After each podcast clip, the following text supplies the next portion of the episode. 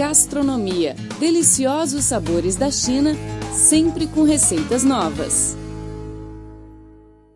Olá, querido ouvinte, tudo bem? Está começando mais uma edição do programa Gastronomia. Eu sou Rosana Zhao e estou sempre aqui para dividir com vocês neste bloco as informações sobre o patrimônio cultural gastronômico da China e também de outros lugares do mundo. E está ao meu lado no estúdio a nossa amiga brasileira Fernanda Vandeland. Olá, Fernanda, tudo bem? Olá, Rosana. Olá, amigo do programa Gastronomia. Bom estar aqui com você e com os nossos ouvintes, notadamente, porque é um programa que a gente pode aprender muito sobre a culinária chinesa e também de diversos países do mundo, de uma forma que, digamos, saborosa. Rosana, o que a gente preparou para hoje, para os nossos ouvintes? Hoje vamos ter uma viagem gastronômica pelo Peru, cuja culinária é famosa mundialmente, né? A cozinha peruana é diversificada, sendo um resultado da fusão das tradições do antigo Peru com a culinária espanhola e africana. Devido à onda de imigração no século XIX, as culinárias chinesa, japonesa e italiana enriqueceram os sabores tradicionais do Peru. Além disso, enquanto aplicação da política de mestiçagem crescia, a variedade de pratos aumentava.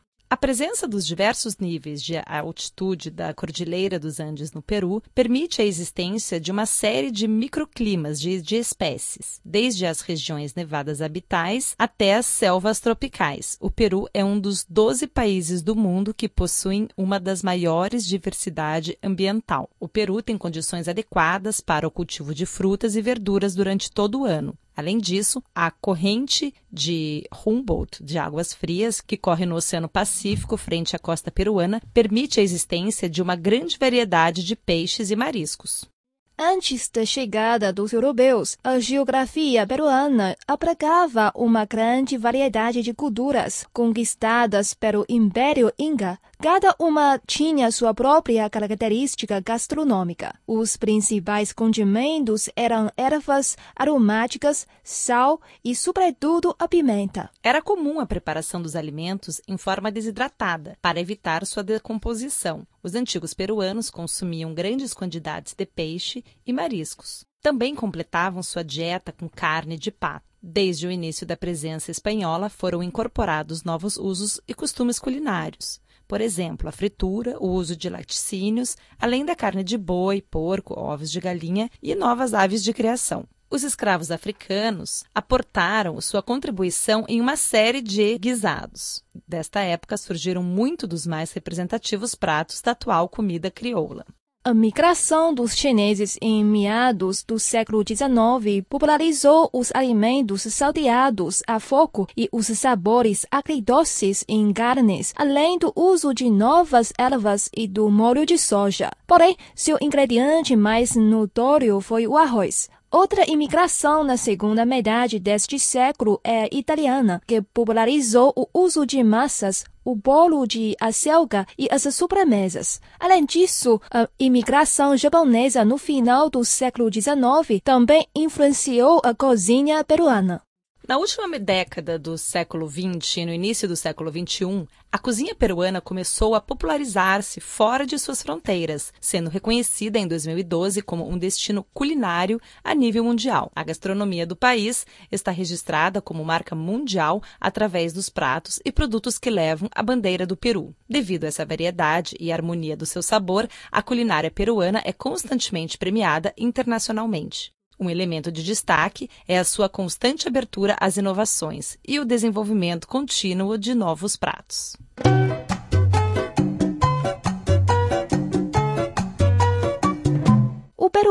País que possui uma culinária muito rica e variada. Alguém disse que a gastronomia peruana é a melhor culinária da América do Sul. É isso mesmo, Fernanda? Olha, pelo que eu escuto, ela é realmente muito rica e hoje em dia está muito na moda também. Muitas pessoas estão dando muito valor a essa culinária. Ela se destacou muito nos últimos anos. É, pois é. A riqueza gastronômica do país tem motivos. A culinária peruana tem uma herança incaica espanhola, africana e até influência chinesa e japonesa. Peixes frescos, carnes, vários tipos de batatas, milhos, grãos, frutas nativas são fáceis de ser encontradas no Peru. A seguir, vamos conhecer alguns pratos típicos do país. O ceviche é um dos pratos mais conhecidos do Peru e é também considerado parte de sua cultura, e por isso é um patrimônio cultural da nação. É um prato de pescados marinados em limão peruano, cebola, sal, alho e pimenta. A preparação é única e muitas pessoas o consideram afrodisíaco. Existem diversas variações do prato com ingredientes específicos de cada região ou toques especiais do chefe. Porém, o prato é servido em quase todos os restaurantes do Peru ele também pode ser feito com outros tipos de frutos do mar. O pisco é considerada como a caipirinha peruana. Essa bebida é feita de pisco, é destilado de uva, limão, açúcar, clara de ovo, gelo e um toque de pimenta. É o drink mais tradicional do país, mas também já ganhou muitas versões com outras frutas, leite condensado e outros ingredientes. Cui é feito com carne de porquinho da Índia, servido frito e vem no prato com o corpo inteiro do animal. Não é algo que se come todos os dias, mas é bem tradicional. Se alguém te convida para comer um cui no Peru, significa que você é muito especial. O cui é usado geralmente em rituais incas e sua carne é de alta qualidade, tornando-o um prato caro. Era geralmente consumido pelos incas como uma fonte de proteína para complementar a dieta com base de batatas e milhos. A cabeça do animal, símbolo de sorte, era comida pelo patriarca. As crianças comiam as patas, enquanto as mulheres comiam o corpo. Hoje em dia, normalmente, a carne é assada e servida já cortadinha, sem a cabeça. O Peru é o único país da América Latina onde a Coca-Cola não é o líder do mercado. O refrigerante mais consumido do país é o Inca Cola. A bebida tem uma coloração amarela viva e é feita de Lúcia Lima, planta nativa da América do Sul. Além do interesse gastronômico, o consumo de chá de folhas de coca é recomendado para ajudar a combater os efeitos da altitude em lugares como Cusco e Machu Picchu, localizados muito acima do nível do mar. A bebida pode ser feita com as folhas, mas também é possível encontrar o chá em saquinho. O lomo salteado é um prato único que vem da mistura de comida peruana e chinesa. A técnica de cozinhar na panela e na preparação única torna-se um dos pratos crioulos mais solicitados. É típico do Peru. Pode ser encontrada em vários restaurantes das regiões peruanas. É uma combinação de arroz, carne, cebolas, tomates, batatas e pimentas adi. O luquito com charque é um dos mais representativos pratos do país, uma vez que tem dois ingredientes que são exclusivamente peruanos: olmo, um tipo de batata que cresce nos Andes, e charque, que é um tipo de carne seca de lhama ou alpaca, que são os próprios produtos do Peru. É um prato bem típico peruano este. O frango grelhado é um dos pratos mais consumidos no Peru. A carne marinada é cozida no calor das praças em um forno especial para frango girando em seu eixo. É prato e você pode encontrar em qualquer lugar do Peru. Você também pode ver o seu desenvolvimento no Museu de Gastronomia do Peru. Ade de galinha é uma delícia típica peruana. Surge de ingredientes do espanhol e quechua. O frango é desfiado e misturado com um caldo preparado com base simples. Nesse caldo há leite, pimenta verde e pão, e servindo com batatas, azeitonas e ovos. Tem um sabor picante e é também de muito fácil o preparo.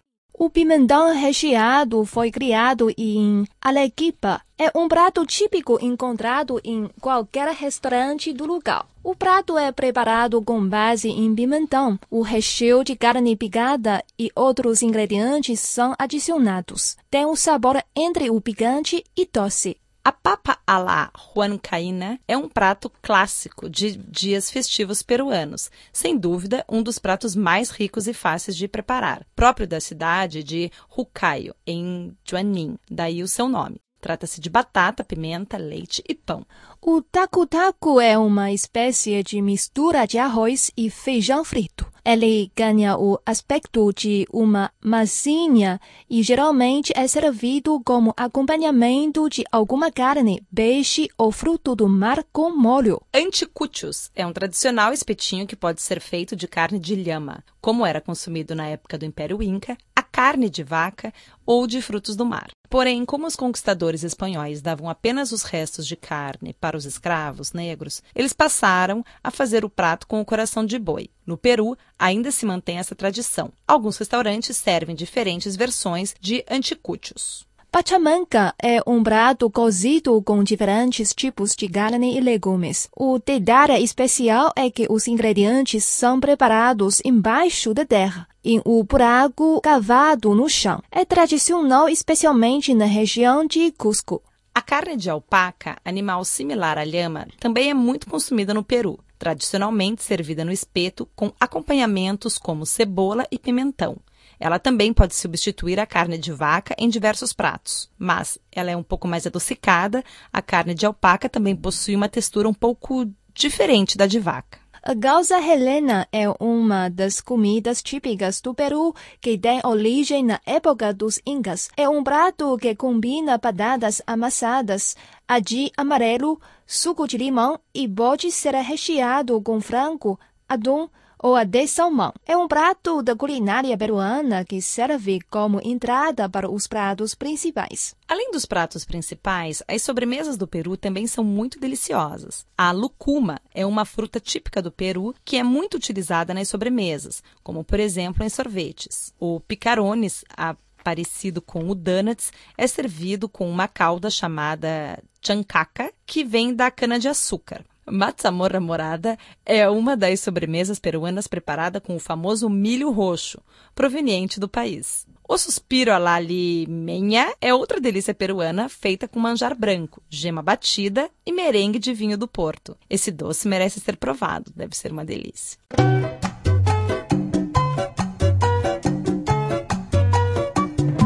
E a seguir vamos aprender a preparar um prato peruano típico, o ceviche, que representa melhor a gastronomia peruana. Trata-se de cubos de peixe cozidos em uma solução cítrica e ácida que tradicionalmente é o limão. Quando o peixe entra em contato com o suco cítrico do limão, inicia-se o processo químico onde a proteína se desnatura e com isso a textura do peixe muda, ganhando mais sabor. Apesar de ter se popularizado no mundo apenas nos últimos anos, o ceviche é consumido há mais de dois mil anos pelos povos incas e outros povos da América Latina, principalmente no Peru. Atualmente, é possível encontrar cevicherias, ou seja, casas especializadas em ceviche em diversos países, em diferentes versões também, tendo em vista que o uso de diferentes frutos do mar é bem aceito. Preparar um bom ceviche é extremamente fácil, principalmente caso você tenha um bom peixe em mãos, e essencialmente fresco, pois, mesmo com a ação do limão, ele se manterá cru. Não é preciso nenhuma técnica especial, basta apenas misturar todos os ingredientes e degustá-lo bem gelado. Anote primeiro os ingredientes para a receita. São 600 gramas de robalo, 500 mililitros de suco de limão, pimenta dedo de moça a gosto, uma cebola roxa, coentro a gosto, sal, uma colher de chá de gengibre, pimenta do reino e azeite. O modo de preparo é o seguinte: depois de limpo, corte o filé de peixe em cubos médios. É importante não cortar muito pequeno e nem muito grande. Coloque o peixe cortado em um recipiente e por baixo em um outro recipiente com gelo para manter a temperatura sempre baixa e não alterar a textura do peixe. É fundamental cortar o peixe bem regular para que todos os pedaços possam ter a mesma textura no final. O uso de um recipiente com gelo por baixo é essencial para manter essa temperatura fria. Corte a cebola em tiras bem finas.